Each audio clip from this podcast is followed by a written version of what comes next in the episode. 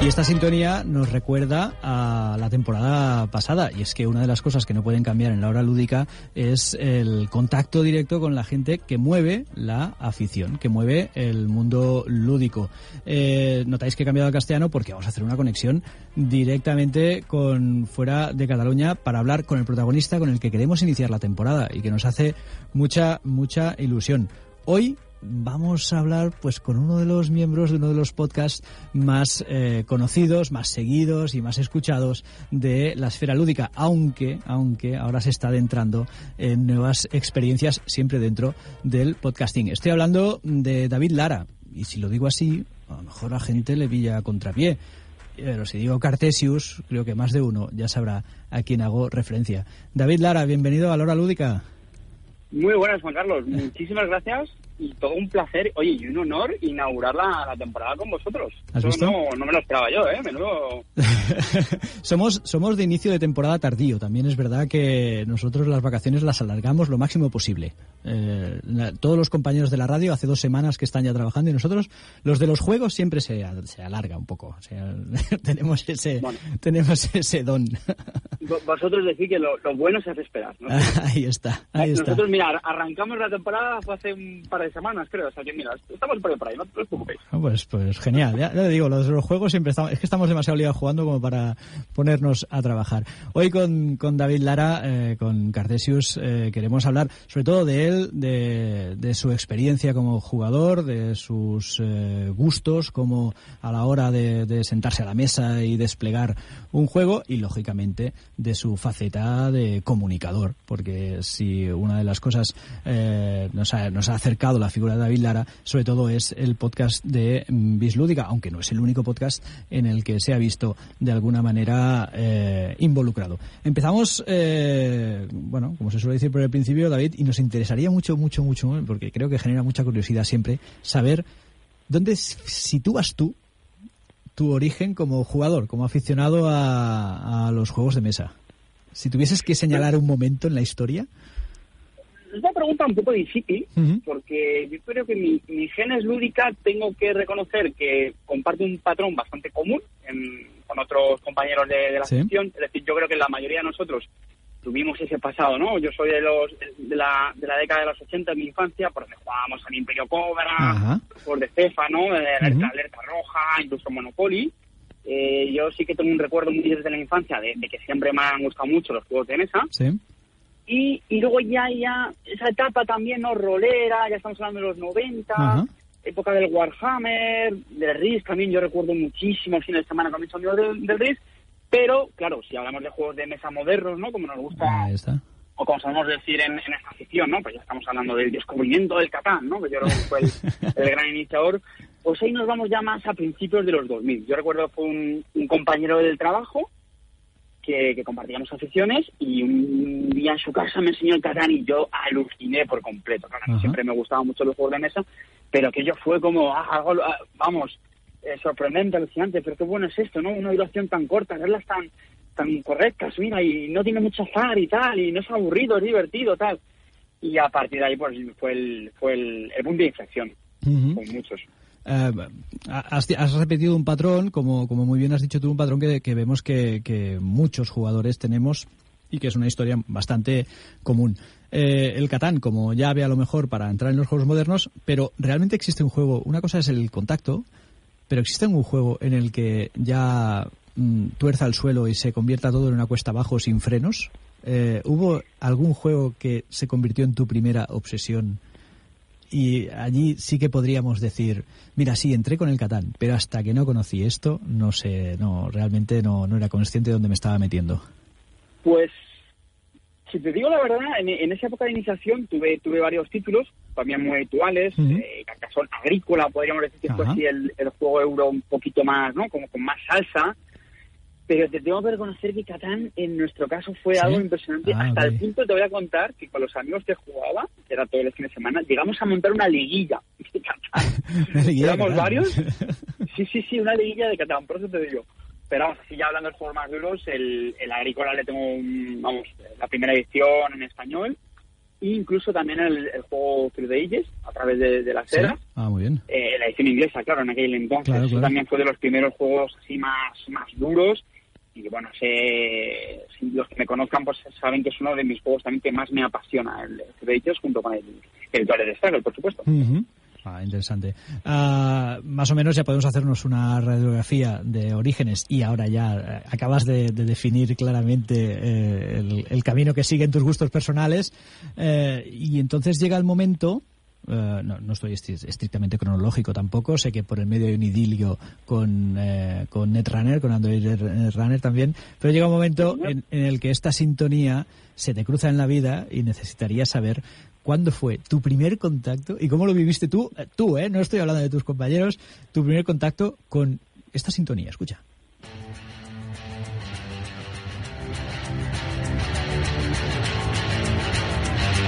Sintonía de Bis Lúdica. Sí, señor, la, gente no me ve, pero estoy agitando la cabeza ahora mismo. bueno, eh, hemos, hemos recuperado un episodio, no realmente no, no me acuerdo cuál es. Eh, que te viste allí en medio. ¿Cómo, ¿Cómo acaba eh, David Lara en medio de una cosa que ya estaba rodando, ya llevaba una temporada rodando? Sí, de hecho, mira, he, querido hacer mis deberes e intentar averiguar exactamente cuándo empezar a grabar con Bis Lúdica y no te creas que lo tenía tan fácil y te cuento por qué. Eh, os voy a contar un poco el, germen ¿no? de mi participación en, en Bis Lúdica. Pues justo este compañero que me a Catán, pues teníamos un amigo en común. ¿vale? Tuvimos un amigo en común que me enseñó otros juegos fantásticos como el Drama, entonces yo de vez en cuando quedaba con ellos, ¿no? Y un día, de forma totalmente casual, me escribía por el, por el, el Hanau, hace ya muchos años, y dice, oye, ¿te apuntas a un 18XX? Y, y, claro, yo no tenía ni la más remota idea de que estaba, los que no lo conozcan, pues se a imaginar, ¿no? Si es sí, pornográfico, no, no, por ejemplo, de trenes, ¿no? De, de compraventa de acciones, sí, sí. Y, y creo que esa partida fue donde yo me inicié en este género, que también los que me conocéis, pues ahí uh tanto. Estamos hablando del año 2011. Okay. Y jugué mi primera partida en 18 que fue el Destino Holland con Javier Calvo. y ah, entonces yo ya sí sabía que era integrante de, de Bislúdica, porque claro, ya años atrás, cuando tú ya te empiezas a emocionar tanto con la ficción, ¿no? Pues empiezas a consumir todo tipo de contenido, ¿no? Con, consumes blogs, había muchos en aquella época, podcast, eh, y creo que era el único podcast que había sobre juegos de mesa en, aquel entonces. ahí tenemos una variedad magnífica, pero en aquel entonces era el único. Total, y en esta partida pues conocí a Javier Calvo, que es una absoluta personalidad en, en esta sección, eh, irrepetible, ¿no? Yo creo que los que escuchan video lo, lo saben. Total, que en esa partida, pues bueno, hubo feeling, ¿no? Que yo creo que una sintonía con, con Javier y con Cortatu, perdón, que no lo he dicho, que también ha sido participante en, en Bislúdica. Y, yo creo que a raíz de ahí, de esa sintonía, porque claro, después de la partida estuvimos un buen tiempo hablando, pues un poco como ahora, ¿no? Así, muy, muy, en muy buen tono, sobre los gustos, tal. Y a partir de ahí, recuerdo que hice alguna contribución muy, muy puntual. Recuerdo también con muchos nervios, la verdad, cuando yo empecé a grabar en Beat Lúdica. Y yo creo que es algo que nos pasa a todos, ¿no? Cuando empezamos a, grabar, claro, no estamos acostumbrados. Escribir es más o menos fácil, ¿no? Te escondes detrás de la pantalla. Pero cuando sabes que graban tu voz y que alguien lo va a escuchar, y eso, uy, ¿no? Te sube algo de, de, miedo, ¿no? Sí, sí, sí. Y eso fue el germen, sí. Nosotros tengo que confesarte que hemos buscado eh, tu primera aparición en Bies Lúdica.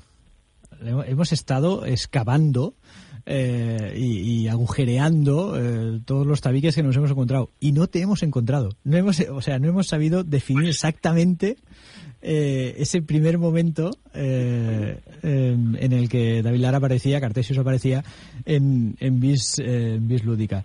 Mm, ¿Cómo se lleva? No os culpo porque a mí me ha pasado algo casi parecido. Yo creo que al final por el programa 66...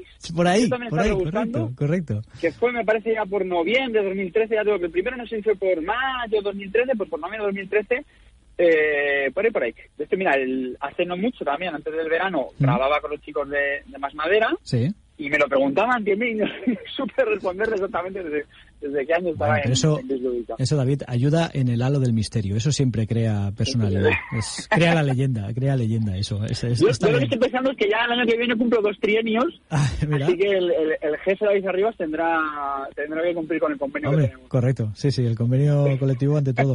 Eh, has, has, citado a David, tienes de compañeros a David Arriba, Javier Calvo, que, hemos comentado, y al mito, ya, ya, no, ya no leyenda, sino desde hace pocas semanas mito. ¿Vale? Tenemos que echar las orejas y reconocer que ya ha dado un paso más en su escala y es un efectivamente. Clint Barton. Oye, eh, tres personajes, tres eh, personas muy divertidas para los que solo los conocemos eh, desde el punto de vista de Bislúdica, lógicamente, eh, en, la parte que se ve o que se escucha eh, del programa. Mm, ¿Qué tal la sintonía con ellos? Con hablar entre tres tótems, hablar entre tres personajes de tal entidad, que, ¿cómo se lleva?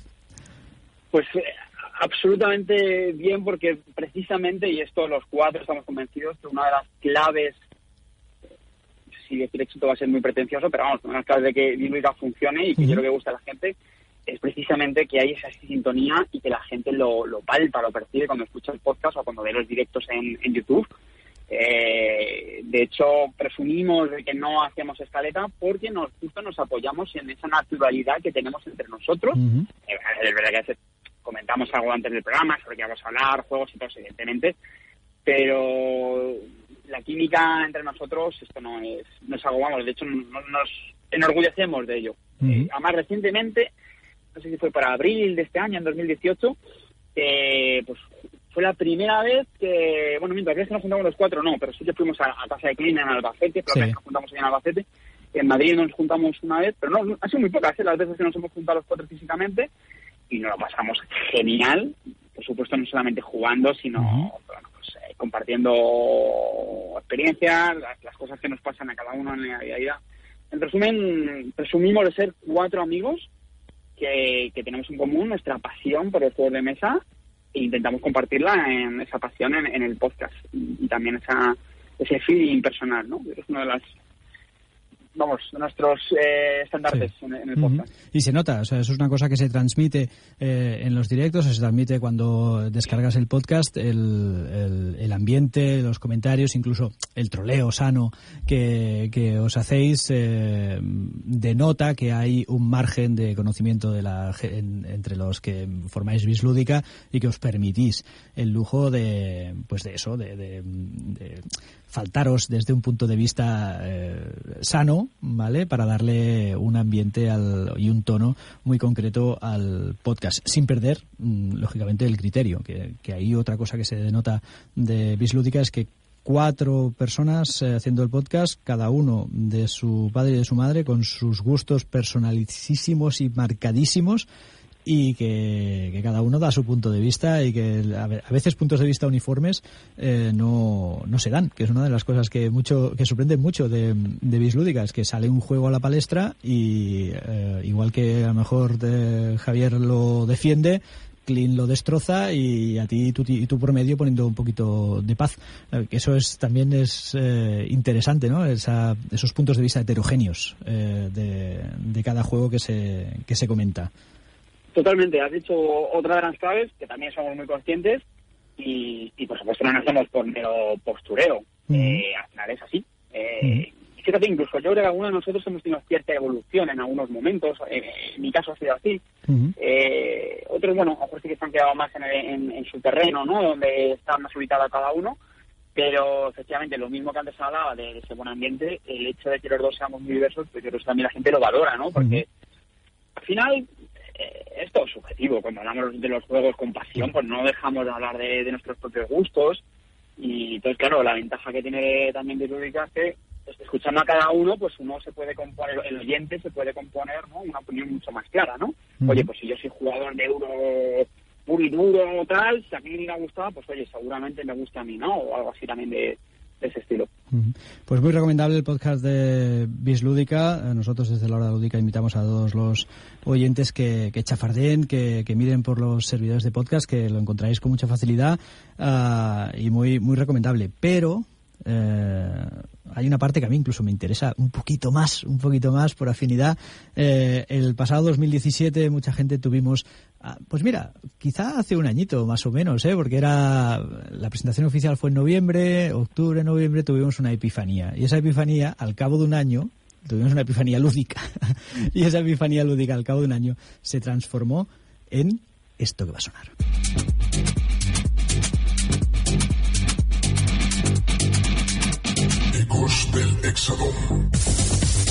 Se transformó en un podcast alrededor de Aristella, el juego de Corvus Belli que a muchos de nosotros nos hizo abrir los ojos como platos y nos quedamos enganchados. Pero una cosa es quedarse enganchado y otra cosa, David, es engancharse y encima hacer un podcast de ello. Estamos muy ilusionados. Claro con este nuevo proyecto y por supuesto hablo en plural porque Ecos del en este podcast sobre sobre Aristella, no solamente de ni mucho menos sino también de, mi hermano Juan, Juan Antonio Lara y muy recientemente, pues si habéis escuchado los últimos episodios, pues hemos incorporado a otro, otro nuevo compañero que es Javier Rino. Sí. Y, vamos, el, muy ilusionado, la verdad. Nací este verano, en, en agosto de 2018, y ya sabéis lo que pasa, cuando algo te entusiasma tanto y te vuelcas tanto, y ya solamente consumir no te satisface, nace esa necesidad también de, producir, ¿no? De generar contenido. Es una experiencia que me pasó también con otro podcast sobre Hambre en el otro podcast que ha sido una de mis pasiones en el, en el pasado, que fue por un puñado de créditos, y también fue una experiencia genial. Pues tuvimos que terminar, porque al final, bueno, pues el, juego llegó a un punto, ya terminaba, sí. me interesa tampoco era el mismo. Y, bueno, volviendo aquí del examen, pues lo que digo, eh, estamos muy contentos. Eh, llevamos apenas un mes y pico de, de vida, pero sobre todo muy satisfechos eh, por la acogida que está teniendo, porque al final, a ver, hacer un juego, un podcast perdón, de juegos de mesa, siendo una ficción nicho, bueno, ¿no? Pues tienes un tienes una audiencia relativamente amplia y puedes cubrir muchos espectros de tipos de juego, como ejemplo lúdica. Ahora bien, ya cuando hablas un, de un podcast de un juego tan concreto como es el caso de Aristella, pues siempre te surge la duda de decir, oye, esto lo va a escuchar alguien realmente. Van a ser 10 personas los que que bueno, que, obviamente no iba a ser un impedimento, ¿no? Lo que pasa es que, bueno, como uno genera contenido, pues, pues que evidentemente siempre le gusta que, haya gente detrás, ¿no? Que, le agrade y que le dé, y que le dé una opinión de, positiva, ¿no? Pero bueno, saber que hay alguien al otro lado escuchando, ¿no? Y la verdad es que ha tenido una acogida bastante, bastante buena y estamos muy, estamos ya muy satisfechos, ¿sí? Una acogida que yo mm, creo, reflexionando un poco sobre, sobre el podcast de Ecos del Exadom, eh, creo que es porque se ha dado eh, o se ha empezado a publicar en un momento muy bueno y es un momento casi de inicio de la aventura de Aristella. O sea, Aristella es un juego que, que aún, de alguna manera, eh, podríamos decir que está en pañales. Eh, tenemos el básico, han salido unas cuantas eh, ampliaciones, pero más o menos aún se está configurando el universo Aristella por parte de Corbus, que lo tienen planificado y muy bien planificado, como muchas veces hemos hablado con, con Belén, pero a nivel de usuarios eh, aún nos estamos acostumbrando pues a, ciertas combinaciones de, aristos, ciertas eh, bueno pues a hacer servir el juego. Incluso tengo la sensación que, es, ese momento tan inicial en el que hay jugadores en los que sin querer dan con agujeros en las normas que se acaban normalizando. Mm, y entonces eh, este podcast llega en un momento tan inicial que todo el mundo que se acerca al juego, de una manera eh, irremediable, acaba eh, acercándose al podcast buscando más información. Y, me parece, a mí personalmente, cuando vi que comenzabais a publicarlo, me pareció excelente, ¿no? En, el sentido de, decir, es, es, perfecto, porque cuánta gente luego se ha añadido a Aristella y ya es compro el core y automáticamente sé que hay un podcast y ya le doy al play, ¿no? Y quizá ahí reside un poquito ese éxito. Eh, ¿No tenéis miedo de haber empezado demasiado pronto, precisamente, hablando de esto? No, no, ni yo pronto, ¿eh? No creas. A ver, en, mi opinión, yo sí hago la lectura de que yo creo que el juego está atravesando un momento dorado ahora mismo. Sí. Eh, pero bueno, tiene cierto recorrido, ¿eh? O sea, en el fondo el juego, como has comentado antes, fue presentado en, ese el año pasado, donde ahí tuve la suerte de que lo probé. Y te soy muy sincero, ¿eh? Casi de, de chiripa yo no sé si, si fue porque, bueno, como que tenía la, curiosidad de conocer a Chris Belli, pues me encontré con el juego y, y cumplió también con uno de los patrones que me pasa a mí con, juegos, con curva de aprendizaje, que al principio, bueno, pues te gusta tal y, de repente cada vez que lo más lo juegas más, más, más, más descubriendo el, el la, la de oro que, que, tienes ahí por desenterrar. Entonces, bueno, el juego tiene recorrido porque tiene varias expansiones. Sí que es cierto que mi, mi percepción es que cada vez va teniendo más, más jugadores y y eso está genial. Pero no, no, hombre, a insultarnos no, al contrario, yo creo que eso es, es genial para ir en sintonía también con el, con el juego. Es decir, oye, eh, yo que sería peor si, si no hubiera una masa crítica detrás que, que, no, que no consumiera el podcast, o al contrario, hubiéramos llegado en un momento que el juego ya, digamos, está pasado de moda. En ese sentido, yo creo que, que, muy bien. Y yo creo que otra, una de las claves también del, del podcast eh, ¿por qué no decirlo? Es que yo creo que tenemos la suerte de que la, editorial que está detrás de Aristella, con un Félix, pues yo creo que ayuda, eh, oye, pues que, estén aquí en España, compartir una lengua común y que eso facilita mucho la comunicación. Te pongo el ejemplo del podcast de, de Netrunner, por un puñado de créditos. Pues lógicamente también hablábamos con la misma pasión sobre el juego, pero no teníamos ese directo con, con Fantasy Flight ni con Ace directamente. Entonces, son más que una diferencia. O sea, que tú tengas una, una relación mucho más corta, más directa, con, con, la responsabilidad de marketing y comunicación, con los propios eh, diseñadores, testers, la gente que, los workers, ¿no? Los que fomentan el juego, ostras, eso eh, impulsa mucho el, el, podcast. O sea, realmente eh, parte del mérito del podcast también es, suyo, ¿no? Que faciliten esa comunicación y es genial, sinceramente. ¿Qué, plan maléfico tiene Ecos del Exadom a corto plazo? O sea, ¿qué, ¿por dónde vais a apuntar? Eh, ¿Alguna novedad que tengáis en la recámara? Algo que se pueda decir, lógicamente. Bueno, pues no, no eso tampoco es tan secreto. ¿eh? A ver, eh, ahora mismo lo que tenemos en mente queremos hacer, eh, llevamos cuatro programas donde les hemos dar un enfoque eh, sobre todo que pudiera enganchar a la gente, como tú me dices, que estuviera empezando, ¿vale? A ver, no hemos dicho, el podcast es, como me gusta decir, es un podcast de aficionados, de grandes entusiastas del juego, hecho por grandes entusiastas del juego. Entonces, por un lado, eh, no queremos perder a la gente que está empezando porque a veces, claro, pues solamente con la terminología la gente se puede eh, perder un poco nada del podcast, ¿no? Entonces sí queremos mm, cubrir el mayor abanico de, espectadores. En cuanto a lo que tenemos pensado a futuros programas, pues nuestra idea por un lado es hacer una alternancia entre monográficos de las expansiones, hemos hablado ya bastante de la caja básica del core, hemos dedicado ya un par de programas. Por un lado, reseñar los personajes y por otro, a, nivel de estrategias generales. Y ahora queremos centrarnos en las expansiones que han salido, cuatro hasta ahora, no, perdón, tres hasta ahora, va a salir la cuarta, me parece, ¿no? Sí. Y también la queremos alternar con entrevistas, pues a lo que decía antes, a, entrevistas a gente del mundo de Arispella. Pues, por ejemplo, queremos eh, traer al equipo de los diseñadores, eh, incluso a los testers, Mm, ¿por qué no? A lo mejor si se presta el CEO de Call pues, pues venga a hacer Creo que tenemos la suerte de que hay mucha gente alrededor de este juego y que darle voz en el podcast creemos que va a ser interesante. Y nuestra idea es eso, alternarlo de esa manera. y, y, luego pues también eh, nos atendremos a las novedades incipientes que están por llegar con el arranque de la segunda temporada del juego competitivo que, que, nada, que está a la vuelta de la esquina este fin de semana.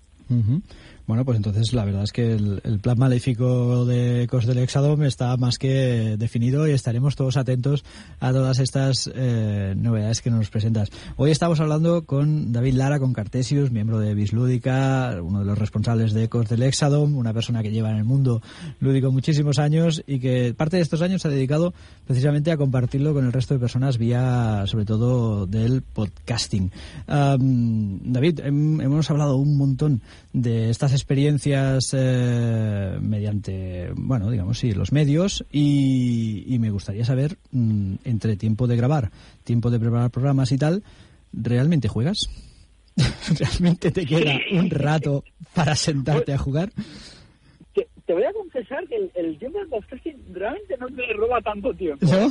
Porque, no, porque, a ver, en física tenemos la suerte de que aquí el, maestro editor es el, señor Arribas, es, el tipo de grabación, y en X del la verdad es que he cogido ya un flujo de trabajo que, que me, la decir sí que la hago yo, pero me, me lleva poco tiempo. Me, me, resta más los deberes familiares. Este año, pues de hecho, volví, volví a ser padre de un, chiquitín. Y ya y la cosa ya se complica más. Vale, vale, vale, vale. ya, la otra cabeza de familia dice que, que lo mío. Exige, exige cuota, exige cuota de, participación familiar. Sí, efectivamente. pero bueno, hablamos de día nos, nos, nos dejamos. ¿eh? No, no, no, me quejo y ya, la verdad, me, me doy por satisfecho. Genial. Yo creo que nunca jugamos todo lo que queremos, ¿no? Entonces, en esta ficción, nunca jugamos todo lo que nos gustaría. No, no, vamos a quejar. Hoy hemos querido compartir este tiempo del primer programa de la segunda temporada de Hora Lúdica con David Lara, con Cartesius. Queremos agradecerte de verdad que hayas atendido la llamada de Hora Lúdica. Eh, recordar a todo el mundo, ¿eh? Mm, lo, encontraréis en, en Bislúdica, Podcast Bislúdica, lo encontraréis en Ecos del Exadom y, nosotros desde aquí recomendamos totalmente los dos eh, canales. David, de verdad, muchas gracias por atender la llamada. Muchísimas gracias de verdad a vosotros, Juan Carlos, a ti y al equipo de, de Lúdica ya lamento que mi nivel de catalán no haya dado al perfil. no te preocupes. espero por lo menos que haya resultado una entrevista bueno, pues eh, interesante y, y ahora como técnico, eh, placer. Me lo he pasado genial en este ratito charlando con vosotros y, que nos, seguimos muy de cerca. Y nosotros eh, contigo. Eh, un saludo y pues eso, como muy bien dices, nos seguimos muy de cerca. Venga, a ver si esta temporada volvemos a contactar porque haya pasado algo muy, muy importante con Ecos del Hexagon. No sé, quién sabe, un super patrocinador y saltáis a la tele. Eh, compartidas por Tabletop Simulator en directo por la tele. Nunca se sabe, nunca se sabe. Ahora que los eSports no están pegando fuerte, vamos a ver si... Ahí está.